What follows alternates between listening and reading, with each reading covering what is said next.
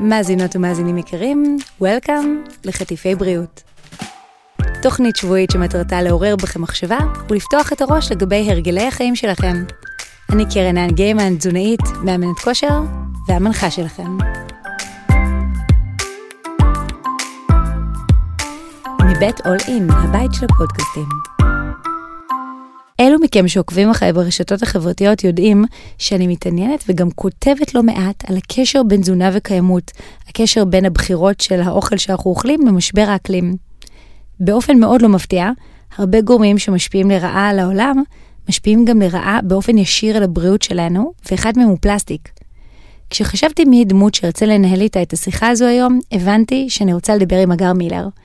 אגר היא דיאטנית נפרולוגיה ובעלת קליניקה פרטית בעיקר לתחומי תזונה צמחית וספורט, וגם אחת הנשים המבריקות שאני מכירה.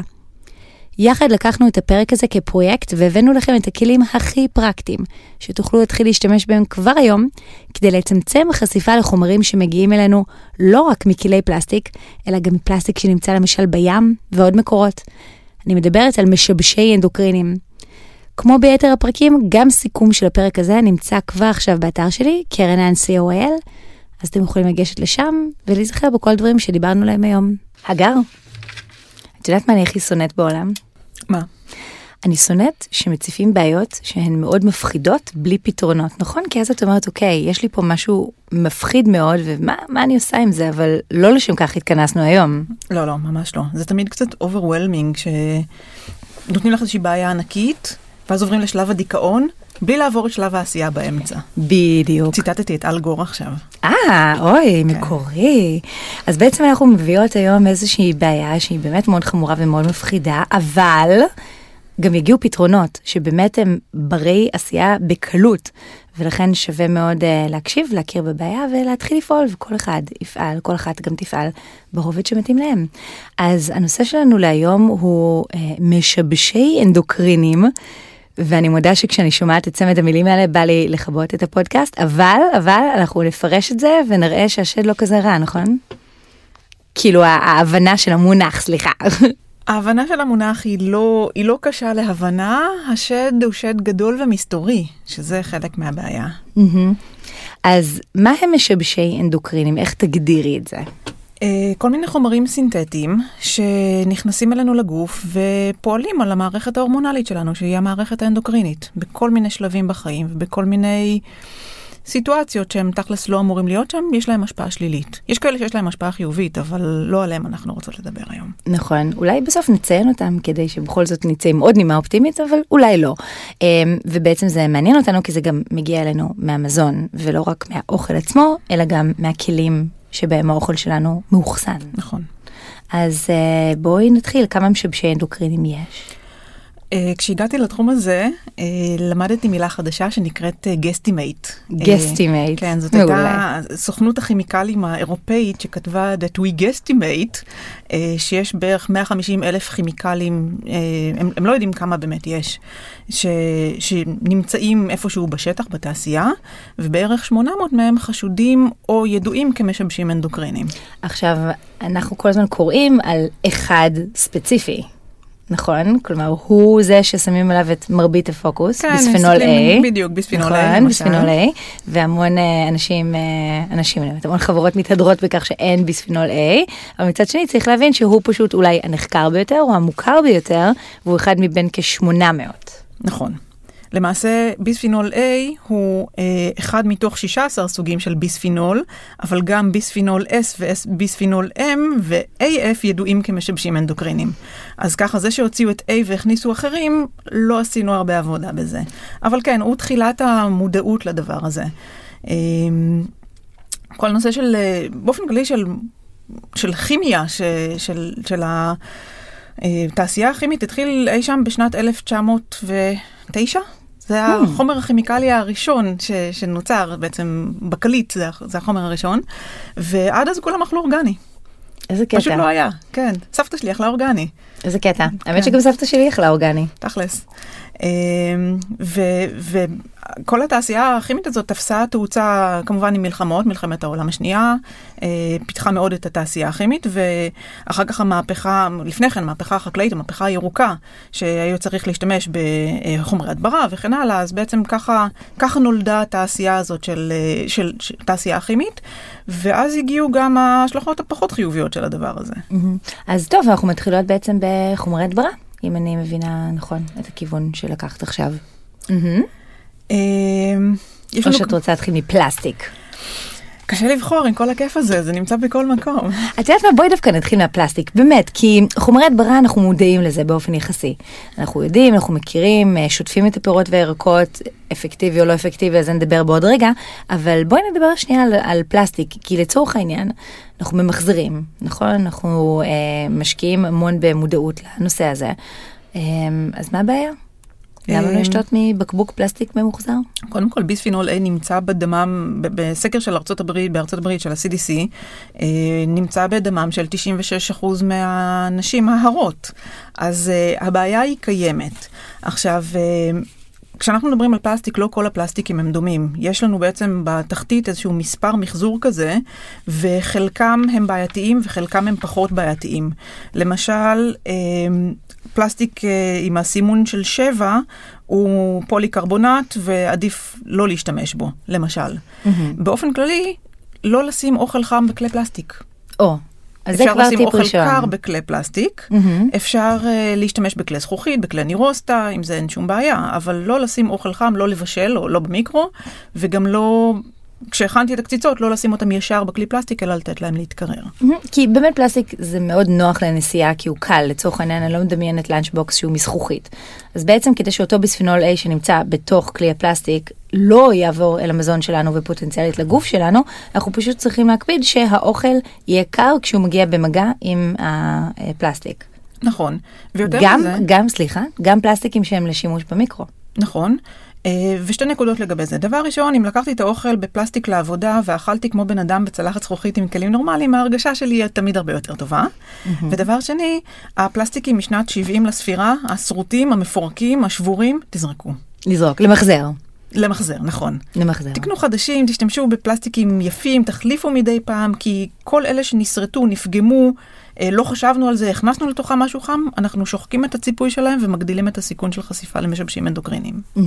גם אמרת את זה ממש אה, בזריזות ואני רוצה כן להתעכב על הנושא של להעביר מכלי הפלסטיק לצלחת לא רק בשביל חימום, גם באמת כמו שאמרת מרגישים יותר טוב וזאת התנהגות אכילה שהיא הרבה יותר בריאה. אז גם אנחנו יכולים לקחת אה, שתי מוטיבציות בעצם, פעם אחת להימנע מביספינול A ופעם שנייה. לסגל לעצמנו תרבות אכילה שהיא יותר טובה, כלומר לאכול מהכלי פלסטיק מול המחשב תוך כדי עבודה, לא בריא, לא מקדם בריאות. אז הנה עוד סיבה עקיפה. בהחלט כן. וגם בבקבוקים של מי השתייה, שאנחנו קונים שהם מפלסטיק, אפילו אם הם כאלה יפים ומעוצבים, גם שם יש את הנושא של ביספינול, נכון? נכון, כל הנושא, קודם כל של השחיקה של הבקבוקים. השתמשנו בהם כבר הרבה מאוד זמן, או לזרוק ולקנות חדש, או להשתמש בבקבוקי נירוסטה. יש היום הרבה מאוד אלטרנטיבות, בקבוקי זכוכית יפהפיים שאפשר להשתמש בהם. כמובן גם בהם לא להשתמש בשתייה חמה, אלא רק בבקבוקים שמיועדים לזה. וגם כשאנחנו קונים מים מינרליים שעומדים בתחנת הדלק, שם מול כל אדי הדלק, אה, עדיף לקנות במקומות שהם קצת יותר, אה, או שלא נחשפו לשמש למשל. אבל שוב, כאן באמת אנחנו לא, לא כל כך יודעות, נכון? כי יכול להיות שאיפשהו בתהליך השינוע הם עמדו בחוץ בשמש, כלומר גם אם הם מגיעים מקוררים ונחמדים בסופר, נכון. אוקיי, אז, אה, אז כן, אז פחות פלסטיק באופן כללי וגם בגלל הנושא הזה של ביספינול. אני קוראת לחברות להכין בקבוקי נירוס למהממים מעוצבים, ושנוכל להתחיל להשתמש בהם. באופן כללי גם ברמה הסביבתית, כמה שנשתמש פחות בפלסטיק יהיה כנראה יותר טוב. כן, אבל תראי, הרבה פעמים יש מודעות סביבתית ואנחנו מאוד מאוד רוצים לעזור לסביבה, אבל זה, זה, זה קשה. זה באמת לפעמים קשה. אז פתאום עכשיו שנכנסת גם המוטיבציה של הבריאות האישית שלנו, אז פתאום אולי זה הופך להיות יותר קל. והמטרה שלנו היום זה לא אה, שכולם יפסיקו להשתמש בפלסטיק אה, לעולם אה, ואין, אלא באמת רק שהדבר הזה יהיה במודעות ולמצוא איפה. לעשות נניח- שימוש מושכל. כן, ו- וקשיות מפלסטיק, גם אותו עיקרון, נכון? לשתות... אה, אתמול ישבתי עם חברה, הריונית, והיא הזמינה אה, קולה, כי זה מה שהיא רצתה, בבקבוק אה, זכוכית, ואז היא לקחה קשית פלסטיק ושתתה, כי היא הרגישה שזה יותר בריא ונקי מאשר לשתות מהפייה של הבקבוק. וזו דילמה שאנחנו נתקעים בה על בסיס יומי. האמת היא שקרה משהו יפה ברמה הצרכנית מהבחינה הזאת. אה, לפחיות יש היום כיסוי אה, של אלומיניום, בדיוק מהסיבה הזאת, כדי שנוכל לשתות מהפחית עצמה ולא, מה, ולא להשתמש בקשית. אז, אז הלחץ הציבורי עובד, כי החברות מיוזמתן לא היו עושות את זה, וזה אולי אחד הדברים השניים שאנחנו נרצה, זה להפעיל לחץ ציבורי. זה נכון, כי אנחנו הצרכנים יש לנו הרבה מאוד כוח, אם פשוט לא נקנה מוצרים X, כי ככה וככה, אז יתחילו לעשות בהם שינויים, וראינו את זה יפה מאוד עם רפורמת אה, סימון המזון, עם משמעית. האדומות. על אף ההתנגדות מבעלי הכוח, עדיין הלחץ הציבורי נתן רוח גבית מאוד טובה לפוליטיקאים כדי לקדם את זה בעוז. כן, ואנחנו רואים שינויים אמיתיים במוצרים, שפעם אמרו, לא, אי אפשר להוציא את המלח, כי אז זה לא יהיה טעים, ופתאום אפשר להוציא את המלח, ראית איזה יופי, ועדיין טעים. זה רק דורש איזשהו מאמץ.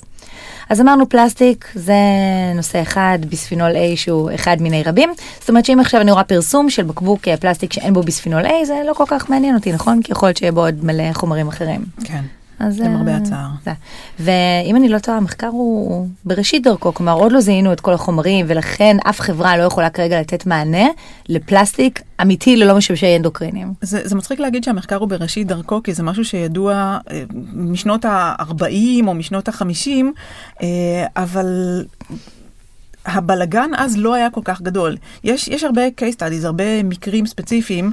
הייתה תרופה בשם אה, אה, דיאתיל סטילבסטרול, שנתנו אותה לנשים בהיריון בשנות ה-40-50 למניעת הפלות. אה, הנשים עצמן לא נפגעו מהתרופה, מי שנפגע היה התינוקות שלהם בעצם. החשיפה התוך-רחמית, אה, השתמשו בכל העולם. ועד היום יש את ה-DES Children, זה הראשי תיבות של הדיאתיל סטילבסטרול, אה, ואלה שכן הצליחו להיכנס להיריון, כלומר הילדים, יש גם את ה-DES Grandchildren. בעצם מדובר באיזושהי העברה אפיגנטית. עכשיו, זה ידוע משנות ה-40, משנות ה-50. הייתה תרופה למניעת בחילות בהיריון שקראו לה טלידומיד, שגם כן הייתה מאוד בעייתית, יצרה מומים בעוברים. אבל הדבר הזה ידוע. כן. זה לא מחקר בראשיתו. אבל החשיפה שלנו היום היא למרק כימיקלי כל כך גדול, שזה זה נהיה מבהיל. כן, ואת יודעת, אני חוזרת, אה, חוזרת בעצמי, זה לא שהמחקר בראשית דרכו, זה אולי הסדר בבלגן הוא בראשית דרכו. כי אני לא רואה איך תוך עשר שנים אפילו, עושים סדר בכל 800 כימיקלים האלה ומוצאים פתרונות לכולם. זה נראה לי, אנחנו ממש נגענו עם הנושא הזה של ביספינול ומודעות ומחקרים חדשים שיוצאים. לגבי ההשפעות שלו, עוד רגע נדבר על השמנה, כאילו יש פה איזושהי נגיעה באיזשהו קצה קרחון שהוא אדיר. לאור זה שהתעשייה ממשיכה לייצר עוד ועוד כימיקלים, אה, אז הקרחון רק גדל מתחת. Mm, נקודה טובה. 1-0, יפה. אני מהפסימים. כן, את מהפסימיים, אבל בסוף המסר שאנחנו מאוד אופטימי, שזה דבר מה שנקרא שיירשם בפרוטוקול הגר, שלא תחשבי שאני, שזה יעבור. כן, אוקיי, אז אה, תרופות, איפה התרופות מגיעות אלינו כשאנחנו לא צורכים אותן פיזית? אנחנו. במי התהום. במי התהום, כן. מקסים. ויש מחקרים, חלקם מחקרים מהארץ, שחלקם גם מגיעים לירקות שלנו. אנחנו מדינה עם חוסר של מים, ומשתמשים במים מושבים, מי קולחין, וחלקן מכילים גם תרופות שמגיעים אלינו דרך הירקות. מי קולחים עכשיו- משתמשים למי שתייה או רק להשקיה. וגידולים? נכון, זהו, אז כן. זאת נקודה שחשוב אה, לומר. מי קולחין, אבל, אבל, אבל, ויש אבל מאוד גדול, כן, כל המחקרים שאי פעם נעשו בהקשר של אכילה של ירקות ופירות, נעשו בחברה המודרנית, של בדיוק על אנשים שאכלו את אותם פירות וירקות לא אורגניים, לא מיוחדים, מושקים באלוהים יודע מה, ועדיין יש בהם תועלת בריאותית. זה לא קריאה לא לאכול ירקות ופירות בגלל שאולי יש בהם תרופות. מעולה, כי אני, אני יודעת שכמה וכמה מטופלים שלך ושלי מאזינים כרגע ואומרים, "Hmm, זהו, אז- היא אז אמרה לא לאכול ירקות. אני מצטער, משבשי אנדוקרינים, אבל אה, אוקיי, אז מי השתייה שמשקים איתם פירות וירקות, כנראה מכילים הרבה מאוד חומרים שאנחנו לא מעוניינים שיהיו בגופנו, ואז נשאלת שאלת מיליון הדולר, לשטוף או לא לשטוף, ואם לשטוף אז איך לשטוף. לשטוף בוודאי, לקרצף עם מים. עם- וסקוץ'. עם- וסקוץ'. אבל סקוץ' נקי שמקרצפים איתו רק פירות וירקות. כי כבר קרה, אני לא רוצה לעשות שיימינג, אבל ראיתי את בן זוגי מקרצף עם הסקוץ' של הכלים. לא. אמ, אני רוצה לחזור לנקודה על פירות וירקות, כי אוקיי. בעצם ההמלצה, אמ, זה שאולי פירות וירקות עשויים להיות אה, נגועים במשמשים אנדוקרינים כאלה ואחרים, אה, לחלוטין אה, כאין וכאפס, לעומת העובדה שיש לנו כמות הרבה יותר גדולה של משבשים אנדוקרינים באוכל מעובד ובמזונות אה, משומרים. ככה שההמלצה, ואת זה תרשמו, אה, לאכול אוכל טרי. כמה שיותר אוכל טרי, כמה שיותר בישול ביתי, כמה שפחות אוכל מעובד. גולמי, כמה שניתן, ותגלית אה, חיי עונתי, נכון? עונתי זה מדהים, עונתי בטח. זה מדהים. כי בגידולים עונתיים משתמשים בהרבה פחות חומרי הדברה. הצמח עצמו גדל עמיד בעונה שלו ולא צריך להיאבק בכל מיני מזיקים מחוץ לעונה שלו. כן, כאן בישראל באמת האגריקולטורה היא מצוינת ואין מה לעשות, אנחנו מדבר, אבל לצורך העניין אה, ביקרתי לאחרונה באיטליה, וכששאלתי את המלצר על מה אתה ממליץ, הוא אמר, עכשיו עונת האספרגוס, אז כל מנה עם אספרגוס. אמרתי לעצמי, וואו, הנה משפט שלא שמעתי בחיים, מדהים. הנה העונה ובואי תקחי פרי העונה, ובאמת, כשאומרים סיזונל ולוקל, לא סתם, אז באמת הנה עוד אה, עצת זהב שלנו. נכון. אה, אבל אני לא יכולה, אה, מבלי להשמיץ עוד קצת את האוכל המעובד, אה, הוא ארוז בפלסטיק. אגב, יש גם פירות וירקות אורגניים ארוזים בפלסטיק. נכון, האורגני תכף ניגע בו. ניגע יש, יש באורגני. לנו מה להגיד גם על זה. חד משמעית, אבל בגדול, הדברים שארוזים בפלסטיק, גם אם זה פירות וירקות אורגניים, יש לנו פה בעיה, הם לא מזוהמים בדרך אחת, הם מזוהמים בדרך אחרת. נכון, כשעיקר הבעיה בעצם זה הם, אריזות שנחשפות לחום, כמו למשל אריזות של פופקורן. אנחנו לוקחים שקית של פופקורן, שמים אותה במיקרו, יוצא לנו פופקורן, אוכלים את זה בכיף, לא מדברת על המרגרינה, לא מדברת על המלח, מדברת על האריזה שבה הפופקורן נמצא. יש אגב מחקרים ספציפיים על אריזות של פופקורן וחשיפה לפתלטים. פתלטים. פתלטים. איזה שם קליט, פתלט. קליל. אבל כן, אז הנה, נניח פה הפתרון באמת מושלם לעשות פופקורן בסיר, כמו שצריך. Good old fashion way. ממש ואתם ממש שולטים ככה. בכמות של המלח ובכמות של השמן ובסוג של השמן. נכון, וזה לא כזה קשה, עושים פעם, אני תמיד אומרת למטופלים שלי, תעשה שלוש פעמים, תכין שלוש פעמים ככה את הפופקורן או כל דבר אחר, אם לא קל לך, אז בסדר, אז תוותר ותעשה את זה בדרך הישנה, כמעט כולם מצליחים בסוף להכין פופקורן אה, ביתי, אז אה, ממש אה, לא כזה מורכב, לא, ממש לא. לא. אוקיי, אז אמרנו אוכל מעובד ואמרנו פירות וירקות ודיברנו על פלסטיק שעוטף לנו כל מיני דברים, מה עוד, מה עוד? בשר וחלב. וואלה. וואלה וואלה.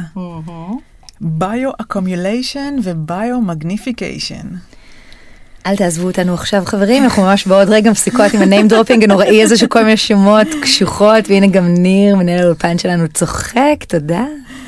אה, חיות שחיות הרבה זמן צוברות ברקמת השומן שלהם הרבה מזהמים שמסיסים בשומן. בגלל האוכל שהן אוכלות, בגלל האוכל המים שהן פשוט הן שותות, חיות יותר זמן, האוויר שהן נושמות. אז הם פשוט, וכנראה גם התנאים. כן, הם חיות יותר זמן, ולכן צוברות בגופן יותר מש... מזהמים, בין היתר גם משבשים אנדוקרינים. אגב, אני יודעת שאת אה, טבעונית, זה, זה נכון. כולם יודעים שאת טבעונית, ויש לי שאלה קשה שאולי לא תרצי לענות עליה, אבל אני אשאל אותה בכל מקרה. אז אה, איך בוחרים בשר שהוא most likely להיות יותר טוב? כי שוב, אני לא מדברת עכשיו אה, על אכילת בשר מוגזמת, כן? משרד הבריאות ממליץ עד 300 גרם בשבוע, אני אומרת עד 150. אה, ובכל זאת, יש אנשים שאוהבים בשר והם מוכנים להפחית משמעותית. מאיפה הם אה, ישיגו בשר שהוא טוב מאחרים? אני יכולה לענות על דגים לפני על בשר? אז תהיו במתח, רק עוד כמה דקות, בואי נדבר על דגים, ואז, אבל, אבל אז חוזרים לבשר. בסדר. יש. אמ, הזכרתי את ה-bioaccumulation, שזה קורה לאורך חייה של החיה, מהמם. אבל יש גם biomagnification, שזה צבירה ביולוגית לאורך שרשרת המזון. Mm. קחי דג צומח, אה, דג, דג אוכל, אה, אוכל אצות, הוא אוכל אצות, הוא אוכל את המזהמים שנמצאים באצות, אבל הדגים הטורפים, שבדרך כלל גם חיים יותר זמן, צוברים לתוכם את המזהמים שהיו באצות, את המזהמים שיש במים, את המזהמים שאכלו הדגים אה, אוכלי הצמחים, וככל שאני אוכלת נמוך יותר בשרשרת המזון, אני מתה על המשפט הזה. לאכול נמוך בשרשרת המזון, באמת, ברמת הלעשות? חולצות. זה משפט מדהים, מה זה אומר? לאכול צמחים בעיקר.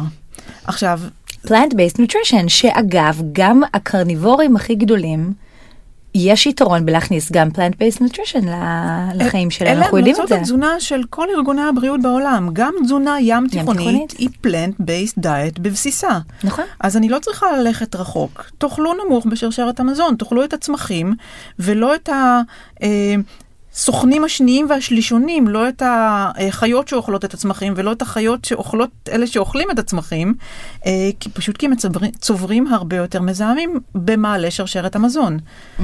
ו- וזה ניכר בעיקר בדגים, אנחנו פשוט לא אוכלים חיות טורפות, חיות יבשה טורפות, אבל uh, יש מחקרים על uh, כמות של משבשים אנדוקרינים בדובים, למשל, בדובי קוטב, uh, בנשרים. ההרעלות של נשרים קורות כשהם אוכלים איזשהו פגר של משהו שהיה מזוהם. היה עכשיו, לאחרונה, בערך חצי מאוכלוסיית הנשרים בארץ נמחקה בגלל הרעלה. בגלל הרעלה. כן. וואו, את זה לא ידעתי. אה, היה בתקשורת, אבל ככל שנאכל נמוך יותר בשרשרת המזון, אנחנו גם חושפים את עצמנו לפחות רעלים. נכון, פחות רעלים שהצטברו. אמ, ויש לציין שדגים, ביחס לדברים אחרים שמגיעים מעולם החי, הם יחסית נמוכים בשרשרת המזון. תלוי אם זה דג טורף או דג אוכל צמחים. זה נכון. יש בעיה ענקית עם דגים. אי אפשר לצאת מזה בטוב. המיקרו-פלסטיק. Mm. יש לנו הרי המון פלסטיק בעולם, חלק גדול ממנו מגיע לאוקיינוס, גם ככה הוא כשלעצמו מכיל משבשים אנדוקרינים, אבל הוא מצליח בכישרון רב לספוח לתוכו עוד מזהמים שיש במים, ואז הדגים אוכלים את זה. כן. ואז אנחנו אוכלים את הדגים. את מכירה בטח את איי פלסטיק. בוודאי. כן, אז איי פלסטיק, למי שלא מכיר, לא מדובר באי כמו אי שדורכים עליו של מלא מלא פלסטיק שצמח בתוך האוקיינוס, אלא על אזורים ספציפיים באוקיינוס, אם אני לא טועה, יש שלושה או, או קצת יותר, שפשוט אם שוחים שם לצורך הדיון, אז יש המון המון המון חלקיקי מיקרו ומיני פלסטיק שצפים שם. ולשם הם מתנקזים, וכל דבר אשר חי משם, או מגיע משם, או חולף שם, לוקח את הפלסטיק יחד איתו. אבל אז אגר, אני מקשה, הרי התזונה הים תיכונית אומרת שלוש מנות דג בשבוע. נכון? עד, עד שלוש מנות. עד שלוש מנות דג בשבוע, נכון, אבל אנחנו גם אומרים לצמצם בשר, ולאכול ממקורות טבעוניים, ולאכול בעיקר עוף ודגים, אז באמת אנחנו נמצאים פה באיזושהי בעיה. אז... אני לא רואה את זה כבעיה, להפך. אני חושבת שיש הרבה היגיון בגיוון. כן. כי גיוון במהות שלו זה פיזור סיכונים, לטוב ולרע. כשאני אוכל מכל הירקות, מכל הצבעים, מכל המינים, כמה שיותר ולפי עונת השנה, אני מקבלת את כל הבית מרקחת של הטבע מבחינה של ויטמינים ומינרלים, אבל אני גם מפזר את הסיכון מבחינת מזהמים. שאם לצורך העניין החסה שלי מרוססת או כל דבר שהוא, אם אני לא אוכל רק חסה, אלא אוכל הרבה דברים אחרים, אה, אני מפזר את הסיכון גם מהבחינה הזאת. כן. כן, ואני תמיד אה, מציעה לכל המטופלים שלי לאכול מנה אחת אה, טבעונית בשבוע, בהנחה שהם לא אוכלים בכלל, ואז הם אה, מגלים כמה קל לעבוד עם חומרי גלם טבעוניים, כמו למשל טופו, ופתאום זה הופך להיות נניח פעמיים, שלוש טבעוני, ואנחנו לא מדברים פה על אנשים שהם טבעוניים, והם כן אוכלים בשר וכן אוכלים עוף ודגים. אז אם לצורך העניין, מי שמאזינים לנו עכשיו, אוכלים אה, בעיקר נניח קציצות אה, בקר ועוף ומדי פעם דג, אז בואו תכניסו גם מנה טבעונית ובואו תבדקו איך זה עובד אצלכם, ואז בעצם איזשהו שילוב כזה יכול לתת מענה לא רע, אם אני מבינה אותך גם נכון, זו גישתך. נכון, בהחלט. ואני אגיד לך יותר מזה, אה, רוצה לחזור רגע לבשר? Mm. אוי אוי אוי, אפילו לא הייתי צריכה להזכיר לך, איזה מצטיינת, כן, את זה מהדרך. כן. אה, דל שומן. Mm. הרבה מהמזהמים מצטברים ברקמת השומן. אז קודם כל, בשר דל שומן הוא לא זה שטחנו אותו והגישו לי אותו בצורתו. כלומר, לא כן. המבורגרים וקבבים, כי כבר טחנו לי את כל השומן פנימה, אלא לגשת לקצב ולהגיד לו, תן לי נתח בשר הזה, תוריד לי את כל השומן מסביב, מזה תעשו איזה המבורגר שאתם רוצים. נכון, וגם חשוב לציין שבדרך כלל, מה לעשות זה פונקציה של מחיר, אז תשקול אותו עם השומן, יופי, תדפוק את התג מחיר שלך, עכשיו תוריד את השומן, כן, אני לא רוצה אותו, ותטחן. ממש ככה. זה מצחיק, בעולם הטבעוני זה הזנב של הכרובית. זנב של, כן, יש לך תלונות על הזנב של הכרובית. כן, כי שוקלים לך את זה עם זה, אבל אין מה לעשות איתו אף פעם. תשקול עם הזנב, תוריד את הזנב של הכרובית, תודה, תטחן לי את הכרובית. כן, אז אה, אתה יודע, צחוק בצד, נכון, כי, כי הרבה פעמים אני נותנת הוראה אה, לבשר שהוא בלי השומן, ואומרים לי, כן, אבל הם לא מסכימים להוריד את השומן. הם מסכימים, אחרי ששוקלים את זה והמחיר של המשקל מגולם שם, של השומן, סליחה. אה, אוקיי, יפה. אז כבר יש לנו גם איך להתמודד עם אה, מאכלים מן החי, ואיך לעשות שם בלנד. אה, מה הדבר הבא, אגר? אני רוצה שנצעק את זה. נצעק. כן. ניר, תעשה אדפטציה לסאונד, אנחנו הולכות לצעוק. קדימה. באמת? לא. לא. כן, אבל מה זה אומר שאת רוצה שנצעק את זה? אה, אני מרצה על זה כבר עשר שנים.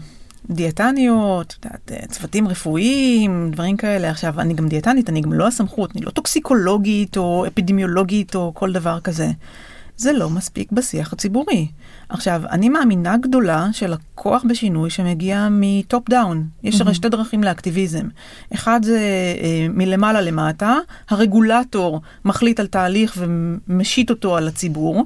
והצד השני, שזה מה שאני רוצה שיקרה ממנו יותר, זה bottom up. הציבור צריך לדרוש רגולציה, אכיפה, אה, מוצרים יותר טובים, אפשר לבקש מהרגולטור, אפשר לבקש ישירות מהתעשייה. כן, ואת יודעת משהו? מינימום גם של שקיפות. שאני אדע בדיוק מה קורה אה, לצורך העניין לפרות ואיך מגדלים אותם ובאיזה תנאים ולמה הן חשופות ואז אני אחליט אם אני קונה או לא. אתם לא רוצים לעשות להם מוצר שהוא יותר איכותי, לפחות תנו לדעת מה יש בתוך המוצר שלכם ואני אחליט. בשנת 2013 הייתי בכנס משוגע של הקרן לבריאות וסביבה, שלצערי הפסיקה את הפעילות שלה השנה. Mm. והנושא של הכנס, סליחה על ה name dropping, היה אוביסוגנים ודיאבטוגנים. Oh. כי המשבשים האנדוקרינים האלה גורמים לנו להשמנה וגורמים לנו לסכרת, ואלה התחומים הנחקרים, משפיעים לנו על הרבה מאוד תחומים אחרים בחיים. Uh, בכל אופן, הביאו חוקרים מהשורה הראשונה בעולם. הכנס היה באמת מצוין, לצאת ממנו ולא לישון יותר אף פעם. ובסוף הכנס היה פאנל של שאלות ותשובות, והעזתי לשאול שאלה באנגלית, ויושבים שם ככה החוקרים המכובדים, אני שואל אותם, האם אתם אופטימיים? והם כזה שתיקה, ואז שואלים אותי, what do you mean? למה את מתכוונת? ואני כזה, אחרי שאתם יודעים את מה שאתם יודעים, איך אתם ישנים בלילה? ואז את רואה אותם יושבים שם כזה שורה של חוקרים מכובדים, אנשי אקדמיה עם עניבות, וכזה נעים בכיסאם באי נוחות, וכזה צחוק היסטרי כזה. ושותקים. הם לא.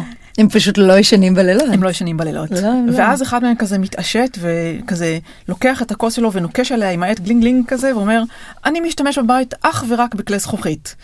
ואז אה, מישהי כזה שואבת ממנו השראה ואומרת, אני לעולם לא אוכלת דגים מהים הבלטי. מהבלטי? למה דווקא מהים הבלטי? Uh, הים הבלטי, בדומה לים התיכון, הוא אגן סגור שמתנקזים אליו כל התעשיות הכימיות מצד אחד של כל המדינות הנורדיות ומצד השני של המדינות הבלטיות. Uh, גם הים התיכון הוא אגן סגור ואין הרבה תחלופה של מים, אז ריכוז הכימיקלים בו הוא מאוד מאוד גבוה, וזה מגיע לדגים. אז uh, דגי ים צפוני it is. דגי ים צפוני it is, וזה בדיוק הדבר שחשבתי עליו. אני רוצה לדעת מאיפה הדגים שלי מגיעים. Mm-hmm.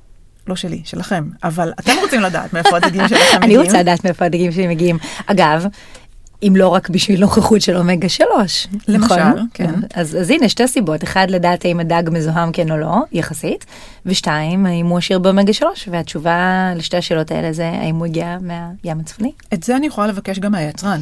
תסמנו לי מאיפה הדג מגיע. אני יכולה לבקש מהממשלה, תחייבו את היצרן לסמן לי מאיפה הדג מגיע. אבל זה, זה חלק מהעניין. עוד, עוד שאלה שתמיד עולה בדעתי, תמיד ששואלים לגבי בטיחות השימוש בטונה, טונה וכספית, זה, mm. זה נורא מוכר, זה נורא ידוע. בטח, בגלל ההתפרצות אה, התקשורתית שהייתה סביב הנושא של הטונה המזוהמת לפני כמה שנים. ואז אה, תמיד מתייגים את הדיאטנית של אחת מה, מחברות אתונה, אה, והיא מדברת על זה שזה אתונה בארץ, זה לא אתונה אלבקור וזה לא אתונה גדולה, אלא משתמשים באתונה אחרת וכן הלאה וכן הלאה. והיחס של כספית וסלניום. וזה נפלא, ואני שואלת קודם כל מה קורה לגבי הציפוי עם הביספינול A של הקופסה. ודבר שני, אנחנו מתעסקים פה בטונה ובסלניום ובאולי ביספינול A, אבל מה לגבי PCB ודיוקסינים וכל המזהמים האחרים וכל המשבשים והמיקרופלסטיק והדברים האלה? אני רוצה לדעת את הדברים האלה. עכשיו, אם אני לא אשאל, הם לא יבדקו. כן. זה הכל. ברגע שיהיה מספיק שאלות, הם יבינו, אוקיי, טוב, בואו נשים על זה 500 דולר, נשלח את זה לבדיקת מעבדה כדי שנוכל להגיד להם שאין, ואם יש, אז תתקנו. Mm-hmm. כי בהחלט אפשר לתקן. כמו שלצורך העניין מוציאים אנטיביוטיקה מעופות, כשהם משתמשים באנטיביוטיקה על עופות במקומות מסוימים, אז אפשר אולי גם להוציא מכאן כימיקלים, אני לא יודעת. את רוצה לשמוע על אנטיביוטיקה ועופות? זה לפודקאסט אחר, לא, אני לא רוצה. הכנתי סיפור. כן? כן, ודאי, זה קשור למשמשים אנדוקרינים. אז תספרי אותו ואז אנחנו נעשה סיומת אופטימית. טוב, בסדר. קדימה. אה, אבל רגע, לפני, אני הבנתי שבישראל לא משתמשים באנטיביוטיקה בעופות. אני לא יודעת לענות על זה מספיק. אז אה, בדקתי את זה קצת, ו... אבל שוב, קשה לי לומר את זה בביטחון של 100%, היות וזה לא בגלל חקיקה, אלא בגלל אה, נוהל, נהוג לא להשתמש בימינו באנטיביוטיקה. זאת אומרת שכשהולכים לחנויות ורשום עוף ללא אנטיביוטיקה, זה איזשהו גימיק שיווקי, כי כל מגדלי העופות, לפחות אלה שאני בדקתי, לא משתמשים. מצד שני, תמיד קיים הספק, כי זה לא, זה לא מחייב אותם. אז אני אספר על גליץ' קטן שקרה בשנת 2003 ל-2008. Mm-hmm. יש uh, אנטיביוטיקה שמשמשת כזרז גדילה. כי לא משתמשים בה כאנטיביוטיקה, משתמשים בה כזרז גדילה. אז השאלה כשכתוב עוף ללא אנטיביוטיקה, האם מדובר גם על שימוש באנטיביוטיקה לשם uh, כזרזי גדילה? את זה אני לא יודעת. גם אני לא. תבדוק. Uh, בכל אופן, uh, מנהל השירותים להגנת הצומח אישר שימוש באנטיביוטיקה כזרז גדילה בשם רוקסרסון. רוקסרסון מכילה חומר שנקרא אה, ארסן, שהוא... אה, שהוא מגיע מהאורז. הוא, מגיע מהאדמה גם אל האורז וגם אל העופות, והוא, רעיל. הוא רעיל, הוא, מה שנקרא POP, הוא Persistent Organic Pollutant. הוא לא הולך לשום מקום אף פעם, הוא לא נהרס בשמש, הוא מצטבר ברקמות השומן, הוא לא מתפרק, פחות או יותר. אה, בכל אופן, הם אישרו את, השימוש בזה, כי לא היה נציג של המשרד להגנת הסביבה באיזה ועדה, ו... במשך uh, חמש שנים השתמשו בערך, הערכה היא תשעה טונות של ארסן אורגני שנכנס לתוך הקרקע, זה פחות או יותר 45 טונות של ארסן אורגני שנעשה בו שימוש בישראל. עכשיו, למה הסיפור הזה מעניין? כי תכלס מותר להשתמש בהפרשות של עופות גם כדשן בחקלאות אורגנית. Mm-hmm. ככה שכל מי שאוכל אורגני וחושב שהוא מוגן, אה, לא בטוח. כלל לא בטוח. כלל לא בטוח. אני גם קראתי לפני כמה שנים, שאם יש אה, אותו מגדל, שיש לו שדה שהוא אה, לא אורגני, וגם שדה אורגני, אין אה, מרווח ש... שעל פי חוק צריך להיות בין שני השדות, ואם הוא מרסס את השדה שאיננו אורגני בחומרי הדברה, שמכילים שמשי אנדוקרינים, אין מניעה שהרוח תעיף את זה לשדה האורגני. אז לצורך העניין, גם אורגני, חשוב לדעת ממי קונים. חד משמעית. והאם יש לו רק שדה אורגני, ועל איזה אדמה הוא מגדל אותה. תחת, ואם יש לו עוד גידולים גם ליד. גם תחת המטריה הזאת של האורגני, את תמצאי את החקלאי האידיאליסט שאומר, אני אוכל את זה והילדים שלי אוכלים את זה ואני לא משתמש whatsoever בכלום, ויהיה את החקלאי שיעשה את זה כי זה משתלם למכור ירקות עקומים ביותר כסף. נכון, אז... אז צריך לשים לב, ושוב, זה הכל חוזר לאותה נקודה. תדעו מאיפה האוכל שלכם מגיע. ואם אתם לא יודעים, אז תשאלו. עכשיו תראי, לפעמים אי אפשר לדעת, אוקיי? לא הכל תלוי בנו, אנחנו מגיעים למעדניה, למעדניה, איך קוראים לו שקונים בהם דגים? זה לא מעדניה. המקום הזה בסופר שכאילו קונים את הדגים טריים. דוכן הדגים? דוכן הדגים, מגיעים לדגייה. ואני אשאל מאיפה הדג, והוא ילך והוא יחפש, והוא לא ידע להגיד לי. אז אז בסדר, אז לא צריך לחיות בחרדה תמידית ולא צריך להיות בהיסטריה, אבל כן לחפש נניח מקום אחר מתישהו שבו אני יודעת מאיפה הדגים מגיעים ואז אני קונה רק שם ולהסתכל על השדה האורגני שאני מזמינה ממנו ו- ולבדוק רגע ואם הוא לא כל כך נראה לי אמין אז, אז אולי אני אלך לשדה אחר. לא לצאת מכלינו עכשיו לשבש את כל החיים בהיסטריה ופרנויה כלומר אבל כן שזה יהיה במודעות ולנסות איפה שאפשר. אני חושבת שגם ברמה הצרכנית עדיף לנו לקנות אצל אה, משווקים קטנים פרטיים שיודעים מאיפה הדברים מגיעים, כי ההוא שעובד שם בדגייה בסופר, לא בטוח שזה בכלל מעניין אותו. נכון. הוא מקבל מוצר, מוכר מוצר, שלום ולהתראות. הוא אורז אותו, אפילו לא מוכר אותו. כן. ושוב, כל אחד ואחת בקצב שלהם. אם כרגע אני לוקחת את uh, הבירור של מאיפה הירקות ופירות שלי מגיעים כאתגר, uh, וכרגע לא בא לי להתעסק בדגים ובכל הפלסטיקים והדברים האחרים, זה עדיין good enough, כי תמיד בעולם התזונה יש את האלה שאומרים, אני הכל או כלום. אבל זה אי אפשר להיות הכל, אף פעם. לא, חד משמעית. אז לא. כל דבר שעושים, באמת, מספיק שאנחנו נצמצם את החשיפה שלנו בממש טיפה למשמשים אנדוקרינים, זה הרבה הרבה יותר טוב מאשר לטמון את הראש בחול ולא לעשות כלום. אני חושבת שהבסיס יהיה בואו נבשל יותר בבית, בואו נאכל פחות מעובד, אה, בואו נשתמש פחות באוכל שארוז בפלסטיקים. כן, ואם משתמשים בפלסטיקים בואו נשתמש נכון, בואו לא נחמם, בואו לא נתעקש על הקשית, בואו לא נמזוג לכוס פלסטיק, בואו כן נשתה מהזכוכית, אולי נחטא את הפייה, כלומר זה כל מיני דברים כאלה קטנים שאנחנו יכולים בהחלט לעשות. ובעיקר לדבר על זה, להעלות מודעות בכל מקום, בכל הזדמנות שאפשר. אה, אה למה את לוקחת את הקופסה, את האוכל שלך בכלי כזה? אה, כי אני נמנעת ממשבשים אנדוקרינים. אה, כן, אני מעדיפה לאכול בצלחת נורמלית, כמו בן אדם, ולא לחמם בפלסטיק. ממש ככה. בכל ממש שיחה. ככה, בכל שיחה. וטוב, זה, זה הרמת פה להנחתה ולקחת את הפודקאסט הזה ולשלוח אותו לכולם, כל מי שאתם מכירים, כדי שהם ידעו. בהחלט. אגר, תודה. היה כיף. זה כיף. Bye.